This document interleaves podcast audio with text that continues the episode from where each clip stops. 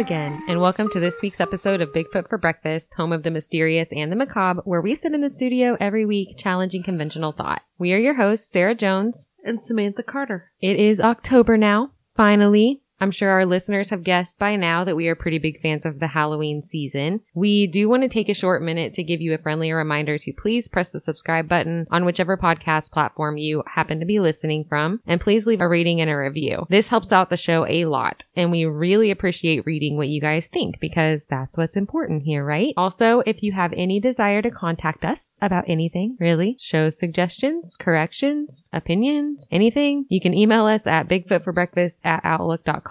Leave us a message on Facebook, Instagram, or Twitter, and you can leave us a voicemail that we will play on our next episode. If you want to do that, the number is 641-812-2635. We really love the voicemails that you guys leave, so keep them coming. Also, we are looking for personal stories regarding anything, any type of subject that our podcast covers or hasn't covered yet. Honestly, it can be anything that you've experienced paranormal, anything to do with cryptids, UFOs, UFO sightings, alien abductions, or really just anything of a creepy nature. We cover missing people. Have you ever been kidnapped? Are you missing right now? Yeah, let us know. Call us. Talk to us about it. We will try to help you. I will come for you. We will, like Liam Neeson. I have a very specific set of skills. I None of them will help you, but I will try. Yeah, our skills are not particularly useful in day to day life. Now that we've gotten through all the serious stuff, let's get on to this week's episode because it's a good one. We're heading back to the root of our interest here at Bigfoot for breakfast and diving into something that we've always, always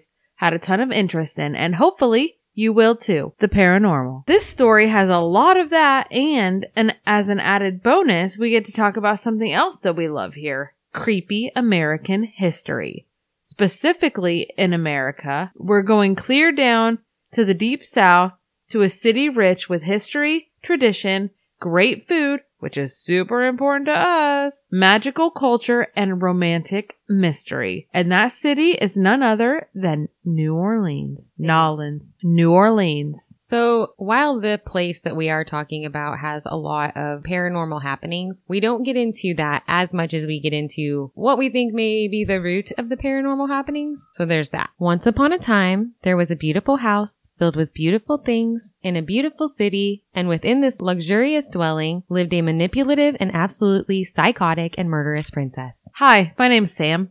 no, not like this. I'm not even from New Orleans. Good God. So today we'll be talking about both of these things. But first, the house. The huge Baroque style mansion graced the corner of 1140 Royal Street in the French Quarter of bustling New Orleans, standing tall and grand with two stories, ceiling medallions, carved doors, carved wing angels, and many other beautiful details. The outside was embellished with large wrought iron balconies and Greek columns. Although the house was surrounded by other large and possibly equally as beautiful dwellings, this one quickly became one of the grandest and definitely one of the most popular places in the area. The house was named after the woman who imagined it and brought it to life. She purchased the plot of land and oversaw the finishing of this dream home done up just the way she wanted it. I say finishing because when she bought the property from a man named Edward de in 1831, the building of a home had already begun there but was left only partially complete. So she was left to finish it up her way. This wealthy young woman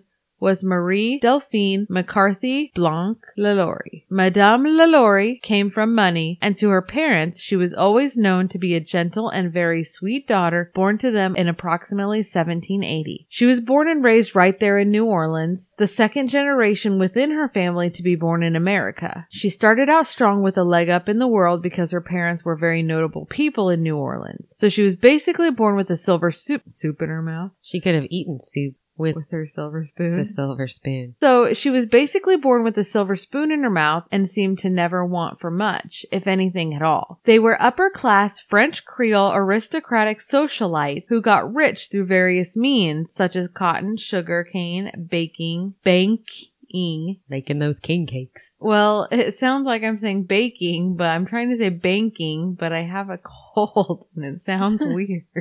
and believe it or not, the disgusting stain on the fabric of American history that is slave trading. When her parents died, she was only one of two children left to inherit their wealth, so she ended up in pretty good standing financially and socially. So the first time that she married, she wed a man named Don Ramon de Lopez y Angulo, and he was a very high ranking Spanish officer. They had a child together, and this child was reportedly born after his death while he was traveling by boat from Havana to Madrid. It was just Delphine and her child alone for about four years until she met another man and decided to give him her heart. This man's name was John Blanc. John was a banker, lawyer, and prominent slave trader as well. She married into even more money here, and he was also from New Orleans and he came from a family that was about as equal in wealth and popularity as her own family was. And the couple had children also. They had three daughters and a son before this husband also passed away. Delphine did marry yet again to her last husband who was a lot younger than she was, and he was a doctor. His name was Leonard Louis Nicholas Lalaurie, but it doesn't sound like he was really around much, and Delphine was pretty much left alone to find things to do around the house and around town on her own.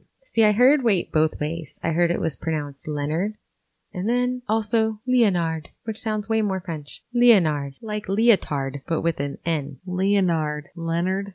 it looks like Leonard. And it sounds like he wasn't even really very involved in her $33,750 property purchase at 1140 Royal Street. But although Delphine was left unaccompanied by her husband most of the time, she definitely made use of that time anyway. She was a total socialite and she made herself known around town. She was involved in a lot of different social activities with the many affluent people in her area, always out to impress. She would host huge, lavish parties that were really popular and well done with great food and live bands. Delphine Lalaurie was outwardly charming, sophisticated, and seemingly very kind. People really liked her. She seemed to really have it all. Money, wealth, social standing, charm, and the love of her community for a while. It's weird how people can seem so different in their outward appearances from who they are on the inside or how they act when they're not being seen. Don't believe everything you see on Facebook, folks. Her house was well kept, and although she was a busy lady, this was made possible by the slaves that she kept in her household. Slave ownership during this time in Louisiana was in full swing and was really popular throughout the southern states, so this was not unusual. Everyone throughout the hierarchy of society owned slaves at this time, not even just the elite. So they were sold right at the dock and in the streets with little restriction. However, there were laws in place in Louisiana prohibiting the cruel mistreatment of slaves that had been so prevalent in early years. These laws were called the Black Codes, and from what we can read through them, they were more like a set of guidelines for how the slaves should act and how to deal with situations in which they would become unruly. So, not really much for protection in any sense. There was a small paragraph that said, quote, slaves who shall not be properly fed, clad, and provided for by their masters may give information thereof to the Attorney General or the Superior Council or to all other officers of justice of an inferior jurisdiction and may put the written exposition of their wrongs into their hands, upon which information and even ex officio should the information come from another quarter, the Attorney General shall prosecute said masters. So on the outside in public, it appeared that Madame Lalaurie was on the up and up with these laws. Actually, a lot of people noticed that she was exceptionally kind to her slaves and she even released two of them to freedom, one in 1819 and the other in 1832. She was so incredibly nice to them that it was unusual because let's face it, people are crap and often completely mistreated the people that they enslaved. Even if some of the slave owners weren't necessarily cruel, they certainly weren't nice. So it was unusual to see her be so overly sweet to people that she had enslaved and owned as her property. At one point, people who were close to Madame Lalaurie actually seemed to be catching on. A lot of people in town didn't really seem to buy the sweet Madame routine. It was so over the top that people really started to see through it and they realized that it was more likely an act that she was putting on. The slaves who lived with her were also said to be haggard and malnourished in appearance. As quoted from the book of Harriet Martineau, Retrospect of Western Travel, but the lady was so graceful and accomplished, so charming in her manners and so hospitable,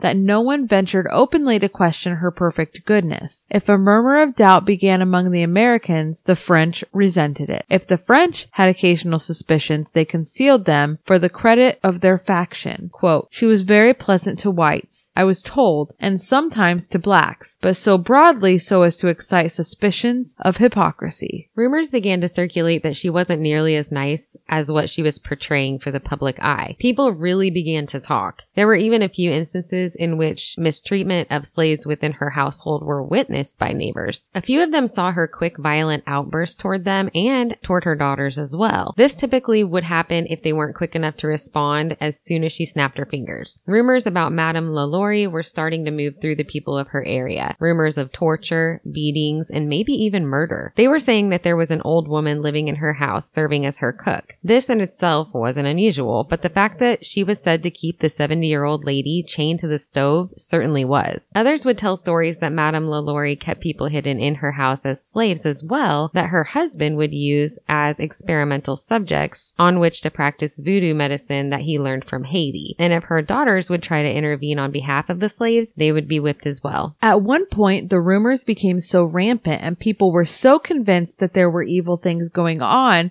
behind the closed doors of the LaLaurie mansion, a local attorney felt compelled to send his understudy to the home to visit just so he could get an idea of what may be going on. So the understudy went over to the house and spoke to her, asking her what was going on, to which she replied that nothing was going on and that no such abuse was occurring in her home. And it sounds like that was about it. He just believed her. He reported that he had found no evidence of abuse or mistreatment and that he considered Delphine LaLaurie to be quite charming. A woman named Harriet Martineau wrote a book called Retrospect of Western Travel, as we mentioned earlier. The book seems to be more of a journal of her travels through America as a French woman, but she mentioned the LaLaurie situation many times throughout the book and was close to it in a lot of ways. The lawyer who went to see Madame LaLaurie and let her off the hook was actually an understudy of a more prominent lawyer with whom Martineau was associated. In her book, she stated of this incident, quote,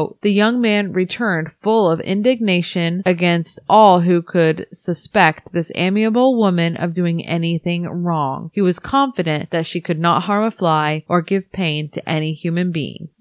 But this didn't do much to quell the rumors. And in defense of the people who were still talking behind the back of Delphine LaLaurie, in all accounts of this event in which the attorney visited the home, it truly sounds like he stepped in the front room, sipped some tea with the woman, found her simply freaking delightful, and politely bid her farewell. So either he really didn't care all that much if the rumors of her insane abuse and neglect were true, or he was intimidated by her high standing within society and her wealth and he just decided not to dig too deep. For whatever reason, that he didn't do a complete investigation of her home, and we know that he didn't because he definitely would have noticed the significant horrors that lie only a few walls away from where he was pleasantly sitting in his rich people suit and rich people hat on his rich people couch sipping rich people tea, but he just didn't do it which is disappointing, of course. Only for those who aren't rich people. Yeah, I believe that a lot of rich people would still feel this was horrific. I hope, I hope that's true. I believe that is 100% true. Eventually, an actual event would prompt a second investigation into the household of Madame LaLaurie. A witness reported seeing someone, a child, jump or fall from the roof of LaLaurie house. Supposedly, the neighbor stated that she had seen the girl on the roof as well as Delphine. The girl was backing away from a whip wielding Delphine LaLaurie and she misstepped, falling off of the roof to the street below. This would turn out to be a 12 year old girl named Leah who had supposedly accidentally fallen from the roof of Madame LaLaurie's mansion. It would later come out that this poor child had been brushing Delphine's hair in her bedroom and she accidentally pulled a little too hard and Madame LaLaurie freaked out. The poor girl was whipped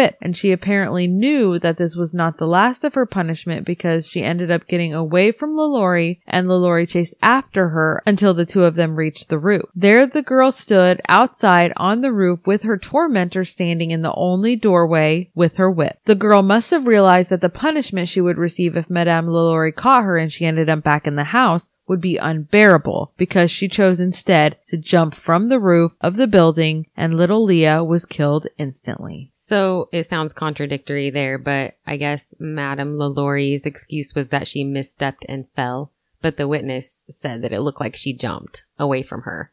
So I wanted to clear that up too. Witness accounts from the neighbor was obtained by Harriet Martineau because she wrote about this in her book as well, stating, quote, she heard a piercing shriek from the next courtyard. She looked out and saw a little girl apparently about eight years old. It turned out she was 12 flying across the yard toward the house and Madame LaLaurie pursuing her, cowhide in hand. The lady saw the poor child run from story to story, her mistress following, till both came out on top of the house.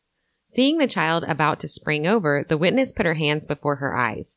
But she heard the fall, and she saw the child taken up, her body bending and limbs hanging as if every bone was broken. The lady watched for many hours, and at night, she saw the body brought out, a shallow hole dug by torchlight in the corner of the yard, and the corpse was covered over.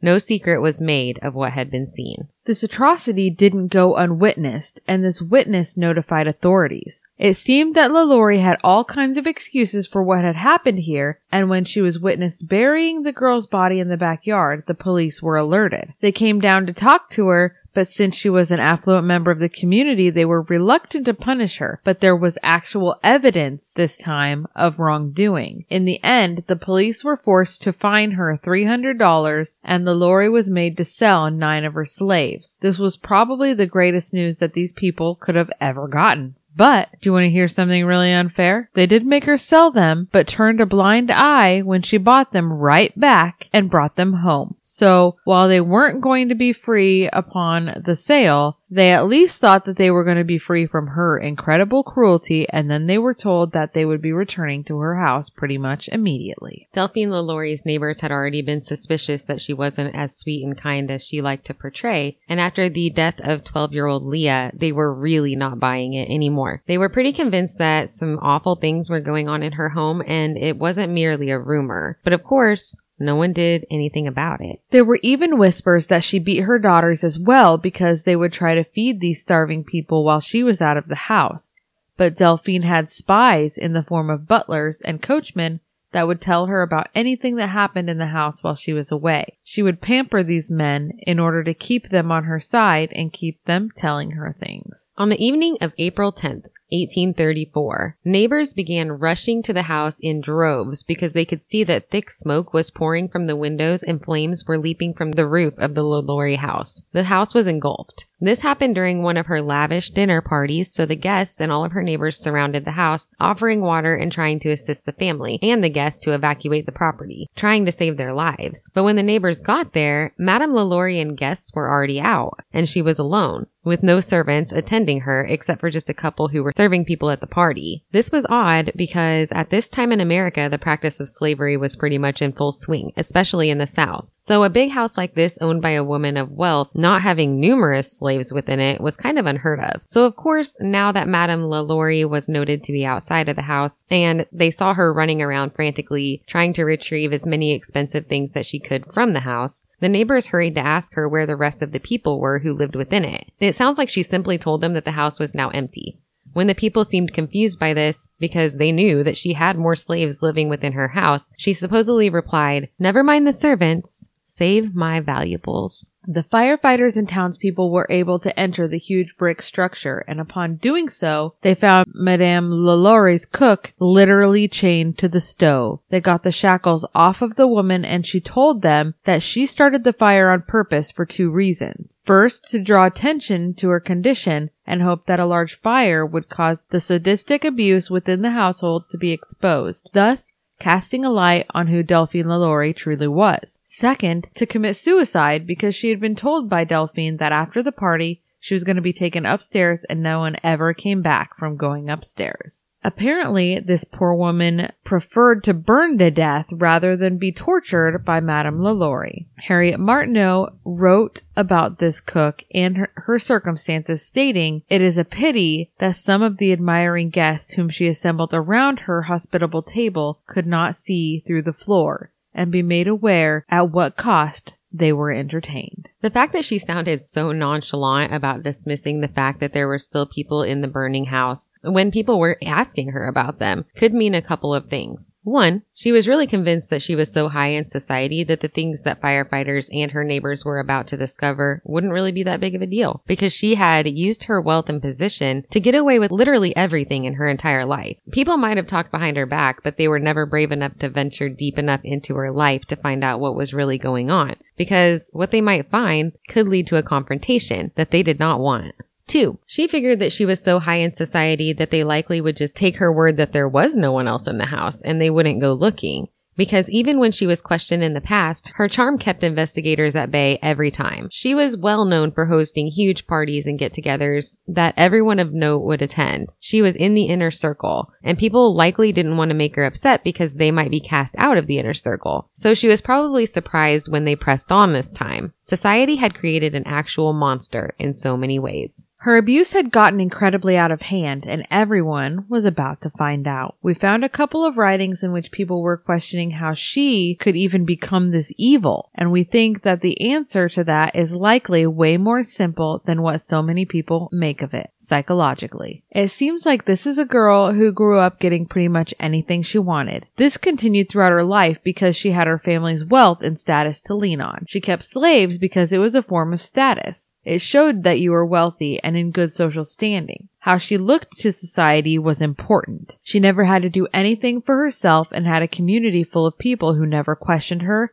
never took anything away from her, never punished her, even though they didn't really like her or what they thought she was doing. So then she had control of this small group of people that were enslaved to her. It probably started out minor, doing little things to them physically as a form of punishment, and then she found out that she enjoyed it. They didn't do something exactly like she wanted, and she liked seeing the little ways in which she could make them suffer. Then she took it a step further and a step further, and her abuse turned into torture, and the more she did it, the worse she got and the fact that she kept getting away with it, the less human these people seemed to her, and it became just part of her routine. She was simply an unchecked psychopath with easily attainable human victims completely at her disposal.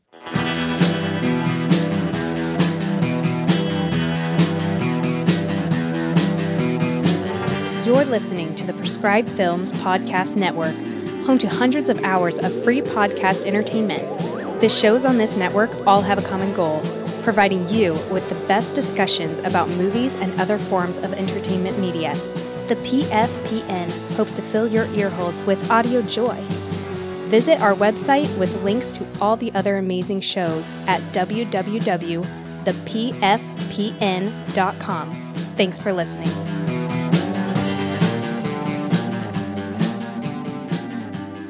So back to this fire. We bet you're wondering what they found in her house. Well, only part of the house had been destroyed, but surprisingly, a lot of it was still intact. Neighbors walked around inside, looking around and searching the house for anyone who might still be alive and possibly savable. Initially, they just kind of walked around the first floor and seemed to find nothing except for smoke damaged walls and destroyed belongings. They made their way up to the second floor essentially finding the same thing, a whole lot of nothing. For a minute, they thought that maybe no one else did live in the home with Madame LaLaurie. But then, the group of searchers came across an obscure locked room on the second floor of the house. When they asked Delphine for the keys, she refused to give them up. So the men decided to break down the door. What they would find here would change their view of the sweet, cultured, respectable woman they all knew forever and brand Marie Delphine LaLaurie forever as the savage mistress of New Orleans for decades to come, stripping her beloved status away from her and reducing her name to less than nothing. Witnesses reported seven people in that room. In an article from the April 11th, 1834 New Orleans Bee reported that the event and what witnesses described. The article reads, quote, The conflagration at the house occupied by the woman LaLaurie on Hospital Street is like discovering one of those atrocities the details of which seem to be too incredible for human belief. We would shrink from the task of detailing the painful circumstances connected herewith were it not that a sense of duty and the necessity of exposing and holding to the public indignation such a wretch as the perpetrator renders it indispensable for us to do so. The flames having spread with an alarming rapidity and the horrible suspicion being entertained among the spectators that some of the inmates of the premises where it originated were incarcerated therein, the doors were forced open for the purpose of liberating them. Previous, however, to taking this liberty, if liberty it can be called, several gentlemen impelled by their feelings of humanity demanded the keys which were refused them in a gross insulting manner. Upon entering one of the apartments, the most appalling spectacle met their eyes. Seven slaves, more or less horribly mutilated, were seen suspended by the neck with their limbs apparently stretched and torn from one extremity to the other. Language is powerless and inadequate to give a proper conception of the horror which a scene like this must have inspired. We shall not attempt it, but leave it rather to the reader's imagination to picture what it was. The slaves were the property of the demon in the shape of a woman who we mentioned in the beginning of this article. They had been confined by her for several months in the situation from which they had thus providentially been rescued and had been merely kept in existence to prolong their suffering and to make them taste all that the most refined cruelty could inflict. But why dwell upon such aggravating and painful particulars? We feel confident that the community share with us our indignation that vengeance will fall heavily upon the guilty culprit. Without being superstitious, we cannot but regard the manner in which these atrocities have been brought to light as an especial interposition of heaven. A local judge showed up at the scene of the fire and saw all of the horror and chaos that ensued from these findings. He briefly spoke with Delphine LaLaurie and her husband, and they told him that he shouldn't have bothered to come, as if it was no big deal. Her husband specifically said, quote, some people had better stay at home rather than come to others' houses to dictate laws and meddle with other people's business. He was quoted as stating that what the searchers had found in the house was the kind of slave abuse that was never before seen. It was psychotic abuse. To add insult to injury, the slaves, Many of them in horrible, horrible condition were taken down to the jailhouse and put in cells where they would be available for public viewing. It was reported that the purpose of this was to allow people to see what they had suffered and as proof that they had endured these atrocities at the hands of the good Madame LaLaurie. In another article of the New Orleans Bee, they reported on this. Part of the article reads, quote, the whole of yesterday and the preceding today and the preceding day the police jail was crowded by persons pressing forward to witness the unfortunate wretches who had escaped cruelties that would compare with those of a Domitian, a Nero, or Caligula. Four thousand persons at least,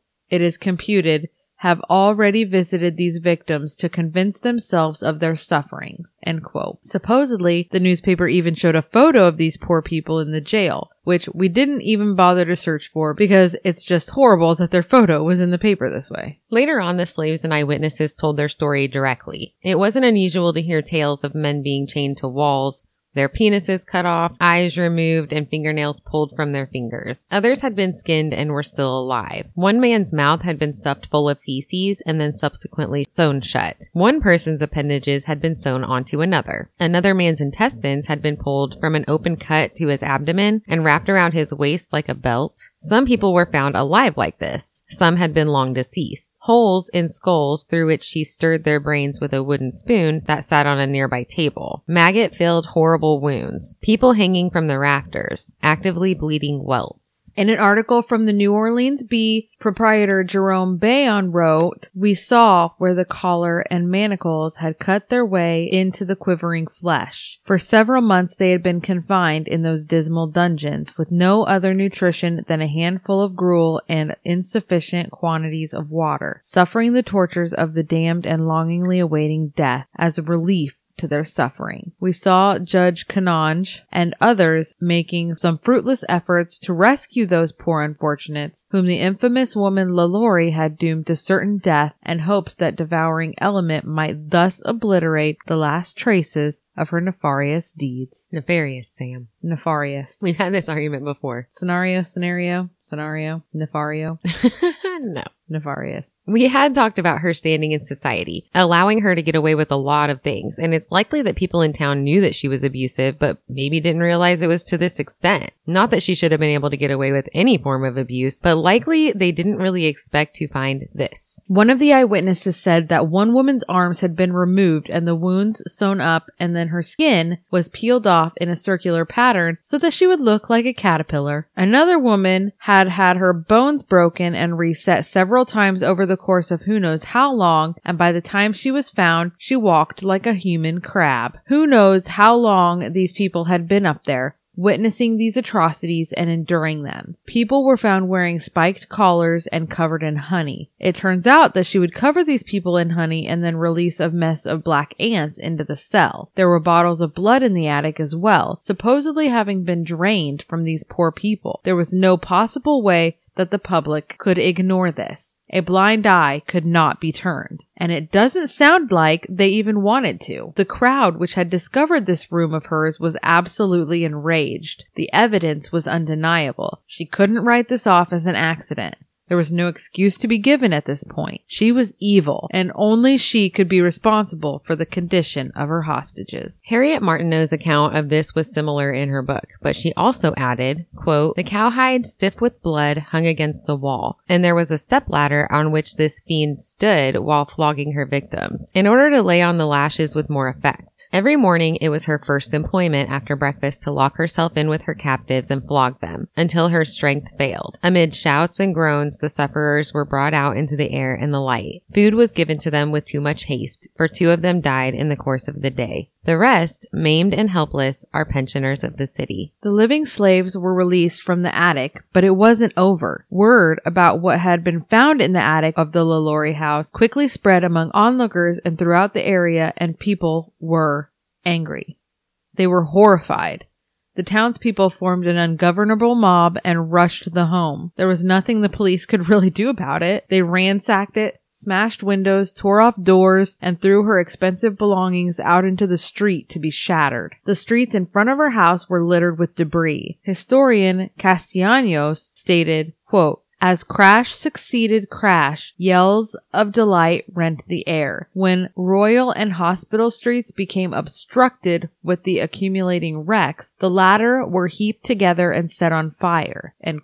People remembered a soft walk down the street due to the ridiculous amounts of feathers on the ground after all of the down mattresses and pillows had been ripped apart and thrown out. They completely destroyed the place until the exterior shell of the place was the only thing standing, just a skeleton of a place that needed to be forgotten. This discovery and level of abuse was absolutely horrifying. But what's even more horrifying and totally inexcusable is that during all of this chaos, the arguments, rioting, and destruction at the house after the discovery, some freaking how, Delphine LaLaurie and her carriage driver, Bastine, just scooted away by the time anyone realized that the two of them were not around, they were long gone. Supposedly, they were thought to have gone to the port with their horse and carriage and then caught a ship to Paris. One of our sources states that there was, however, no record of her ever having made it to Paris. We're guessing that she may have simply changed her name because likely that wouldn't have been too hard during the 1800s, really. Her daughter did remain in New Orleans and she had told people that she was receiving letters from her, but she didn't actually seem to have shown anyone the letters because no one really knew what they said. After the fire settled down and Madame LaLaurie escaped, there was nothing left but the smoldering remains of the house, and investigators left scratching their heads. Thorough investigation of the property happened at this time, of course, and more horrors were discovered.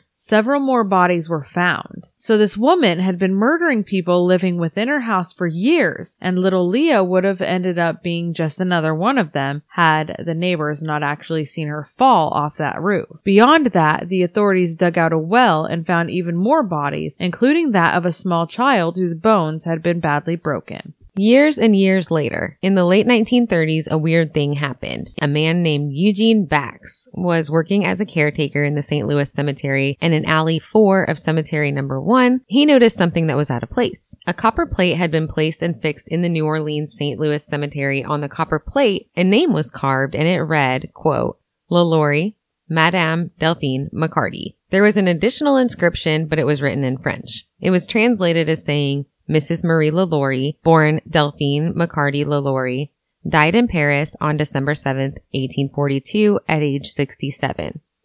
The plate sounds like it was placed here kind of randomly, as in it wasn't attached to a tomb or a grave or anything. Some say that this points to the fact, though, that she likely did stay around the area and that maybe she was buried there. But who knows if this is even true because later investigators did find some evidence that Madame LaLaurie had passed away, but in 1849 in Paris. But many people don't believe any of that. It's widely speculated in the area that M- Madame LaLaurie did flee to Paris initially, but that she returned not long after and resumed life in New Orleans under a new name. Other rumors speculate that she died in December of 1842 from wounds sustained from a boar while she was hunting. There was talk of her having settled quietly in Ma- Mandeville or Covington, Louisiana, and then quietly died there. She has never been found or discovered and no one really knows for sure whatever happened to her. All we know is it's a terrifying thing that this woman was allowed to escape and resume her life and possibly all of her vices anywhere else in the world. So once again in her life, she just got away with what she had done. So why would she have done this? Obviously, there's a lot of psychological speculation to unpack here. A theory that we thought sounded pretty reasonable was that it was simply about power. The wealth and status of her family had allowed her to have whatever she wanted. She had power. People did what she said. But there was something going on in this area of the good old US of A that may have contributed to the start of these actions as well as their long-term continuance. Just before this time period, New Orleans was a French city, but during the time that Madame LaLaurie would have been horrifically torturing people in her upstairs room of death, there was somewhat of a political power struggle going on. The Louisiana Purchase happened in 1803, and it made this part of the land an active part of the United States, and this brought a whole bunch of American people. The Americans set up a port, which brought many other different types of immigrants here and made the slave trade even more popular in the area because they could be brought in right there through New Orleans. The French Creole people supposedly had somewhat of a rough time assimilating to American culture, and the Americans didn't really care for them too much. The French Creoles didn't want all of this change necessarily, and their status was declining. This mixing of people brought the French Creole society down a notch basically just because they weren't Americanizing enough, and there was another larger group of people present in the area to look down their nose at them. They were two leading societies with something to prove, and it was a constant struggle for the upper hand. With the amount of power that Delphine LaLaurie had been raised with, she probably didn't like this natural slight decline in society and took it out on her slaves. The abuse gave her that little boost of power and control that she was craving, and they were easy to take advantage of because she was more believable as a white woman, and this is what allowed her to get away with this for so long. Other people, such as historian Henry Castellanos, stated that she had a duplex nature that allowed her to feel genuine sorrow at the thought of the suffering of others. She volunteered for charities and genuinely helped many people, including people of color. Many of her slaves lived with her and seemed to feel genuinely warm devotion to her, and they had genuinely good relationships with her. But on the opposite end of the spectrum, she was able and willing to inflict massive amounts of torture and suffering onto others. He contends that it didn't necessarily seem to be an issue of true racism against the African American population, but more a mental health issue in which she had an insatiable urge to inflict great harm on people who she perceived had wronged her in some way. Even if that wrongdoing was slight or unintentional, she would take it to the extreme. There was no such thing as a light punishment for her. If she felt wronged, they deserved a fate worse than death and that is what several of them got. The people of color that she took ownership of would be the most likely to actually end up suffering at the hands of Madame LaLaurie. If she felt that someone out in society had wronged her, she wouldn't necessarily have been able to do anything about it because it would be much more noticeable, and she wanted to keep up her kind and gentle appearance. But it wouldn't be so noticeable if a few of her slaves living within her home were suddenly gone. It's tough to say whether or not Castellanos' argument that Delphine LaLaurie wasn't acting out of ill feeling towards people of color because we used his writing about this issue in his historical book, and he seems like he enjoyed slavery quite a lot, judging from these writings. So he isn't necessarily a neutral judge here, and may have just been making excuses for her. We also have to take into consideration the fact that the rumors really seem to have gotten started after she moved into this house and had been married to her much younger doctor husband. Within a year before the fire, she had taken her husband to court and accused him of severe spousal abuse. Now, my first thought when I read that was maybe he was the one doing the abusing and torturing of all of these people. But we really don't think that is the case because every single account names her as the culprit, and we really can only assume that this is because the victims told the authorities that it was her who was doing it. Nowhere did we read that her husband was actually doing the torturing, even though there was a lot of speculation that he may have been somewhat involved, or at the very least, he knew about it. After they went to court, the couple separated, but not really. It was one of those separations where the guy kind of still lives there and stays there, so it doesn't sound like it was a total separation by any means. The idea here is that if he was abusing her, and this was the first time she had ever felt powerlessly mistreated in this way, did she take it out on her slaves in a shit runs downhill type of situation? But also, you could speculate that if she was experiencing severe spousal abuse, maybe she had head trauma, which damaged her frontal lobe, which affected her impulse control. And that is linked quite frequently with violent behavior. Yeah, maybe. It's hard to speculate on why someone would do something like this. Yeah. Another historian by the name of Adolphe Roberts made the conclusion that Delphine LaLaurie was simply a sadist. She took pleasure from the act of inflicting pain onto others, period. Obviously, we don't have a lot of answers as to why she did the things that she did. And as much as we dug around, the records on these incidents back in the mid 1800s weren't super in depth. Mostly, we found a lot of speculation from people mildly associated with the people involved, newspaper articles, and historical analysis type articles. It would have been really great to have had a good psychiatrist evaluate an assessor at this time and have record of that, but alas, we do not. It would have also been great to have found victim statements of some sort, but there was none of that either. So we did the best we could with what we had and hope we didn't leave too many loose ends. There is actually another point that I read that I thought was interesting. When we had first read about this story and how the angry firefighters and neighbors in this area stormed the house and destroyed it out of anger and disdain, I assumed it was because they felt a huge amount of sorrow and sympathy for the people that they had found in that room. And it gave me a tiny little glimmer of hope for humanity. But the argument that I read was in an article called The Radical Impact of Madame Delphine LaLaurie on Slavery and the Image of African Americans. And this was written by Sophie Raylander and it was submitted to the Young Historians Conference. She said that their sympathy had nothing to do with it, really. She submitted that the Southern slave owners were angry about the fact that she had exposed the treatment of slaves to such an extent that it would give abolitionists more fuel for their fire, and that this could be used as a strong case for emancipators to force the South into forfeiting their slave owning rights. The idea of reform was already in the works, and these people did not like it. The house was officially restored in 1838 by a man named Pierre Trastour in the Empire style and served as an integrated school at this time.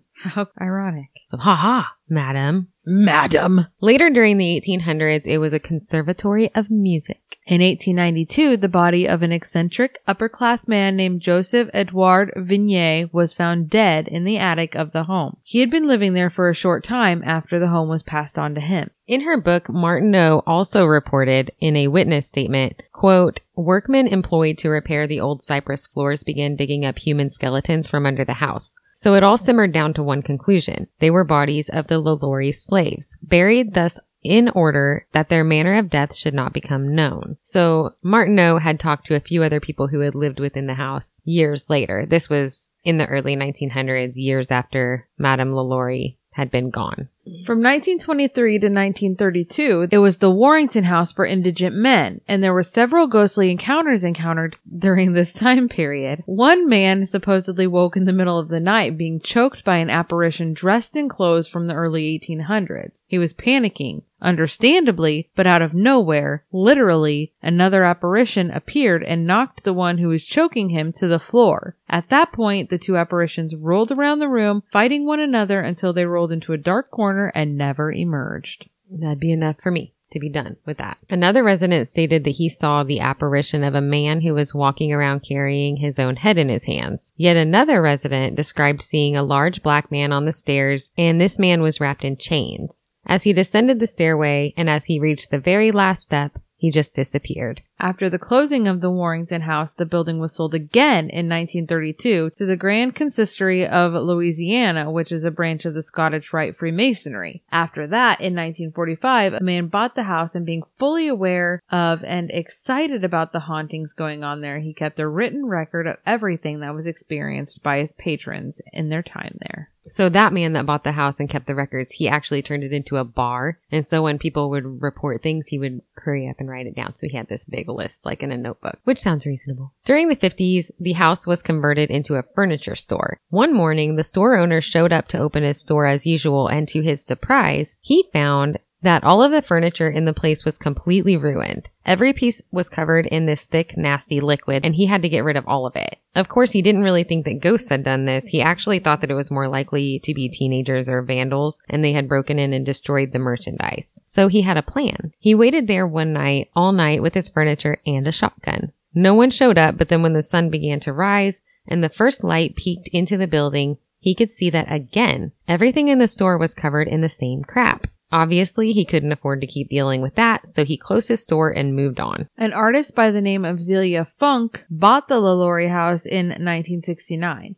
At one point, she did an interview with the local paper where she talks about having seen a man calling him a romantic figure. She saw him in front of a full length mirror and she watched him for several minutes and then he faded away. She described his physical appearance as well as stating that he was about 5'9, about 170 pounds, and had a red beard. He was wearing a cream colored hat. She described further happenings as well, and that usually these ha- things happened while she was sitting by the window. This is where Mr. LaLaurie sat at his desk. You can take haunted tours around New Orleans now, and the LaLaurie Mansion is on that list of places that they will take you. These days, though, it's privately owned, so you have to stand outside of the home while on tour. But for a while, the tour guides could take people in. Many reported strange happenings while on such tours, such as lights blinking on and off and screaming coming from other rooms and down the corridors.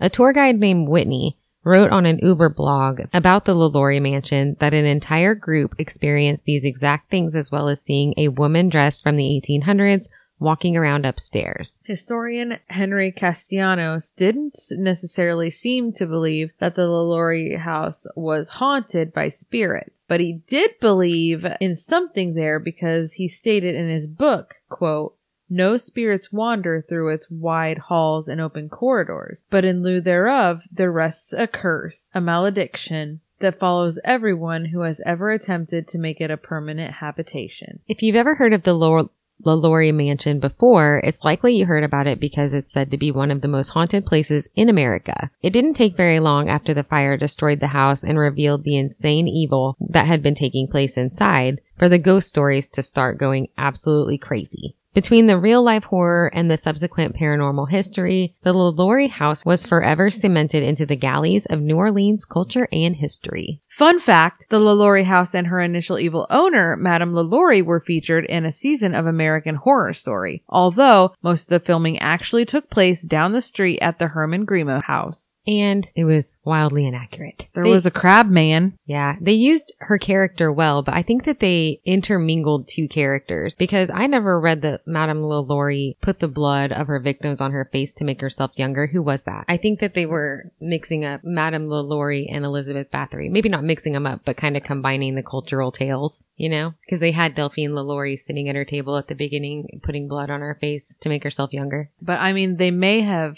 obviously, they dramatized it. Oh yeah. I'm not criticizing their depiction. I'm just saying if you watch it, there's some mix up. I don't know. They might have just taken elements of it just, you know, to make it a more interesting story. And I like the dynamic that they use between Delphine LaLaurie and Marie Laveau and the battle of witchy wits. I just really like Kathy Bates. Kathy Bates is awesome. And she made Delphine LaLaurie look like an evil bitch. That she was. Fun fact part deux. Nicolas Cage bought the mansion in 2007, but he didn't own it for very long because the bank foreclosed on it in 2009. In the Ghost City Tours article where we read this information, they said, quote, It's true that he managed his money as well as he acts and no longer owns the house. You And- shut your mouth. I love Nicolas Cage. I know.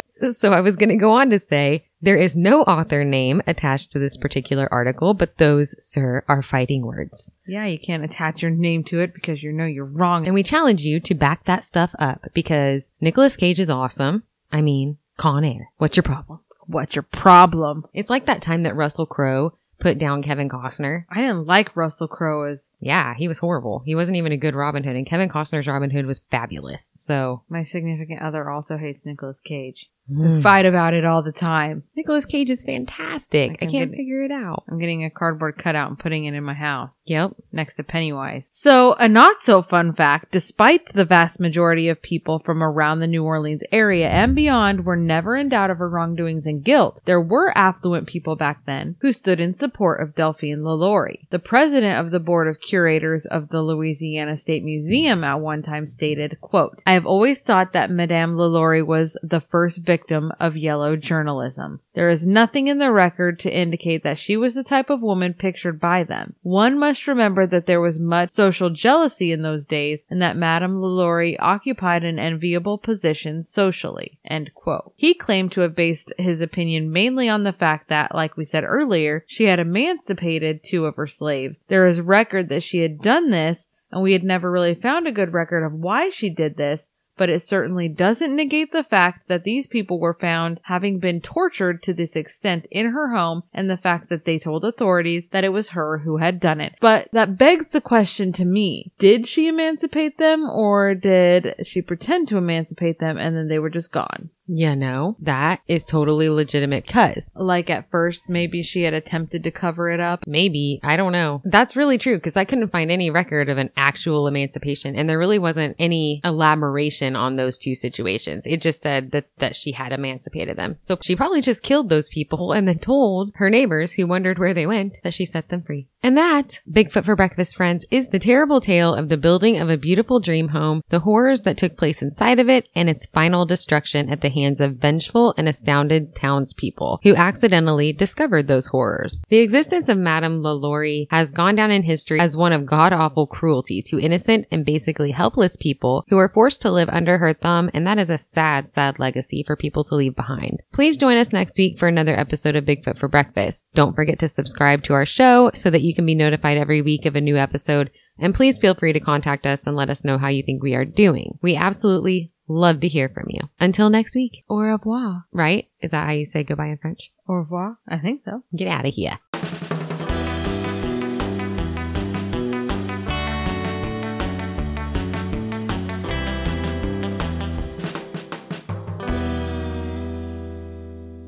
Come at me, bro.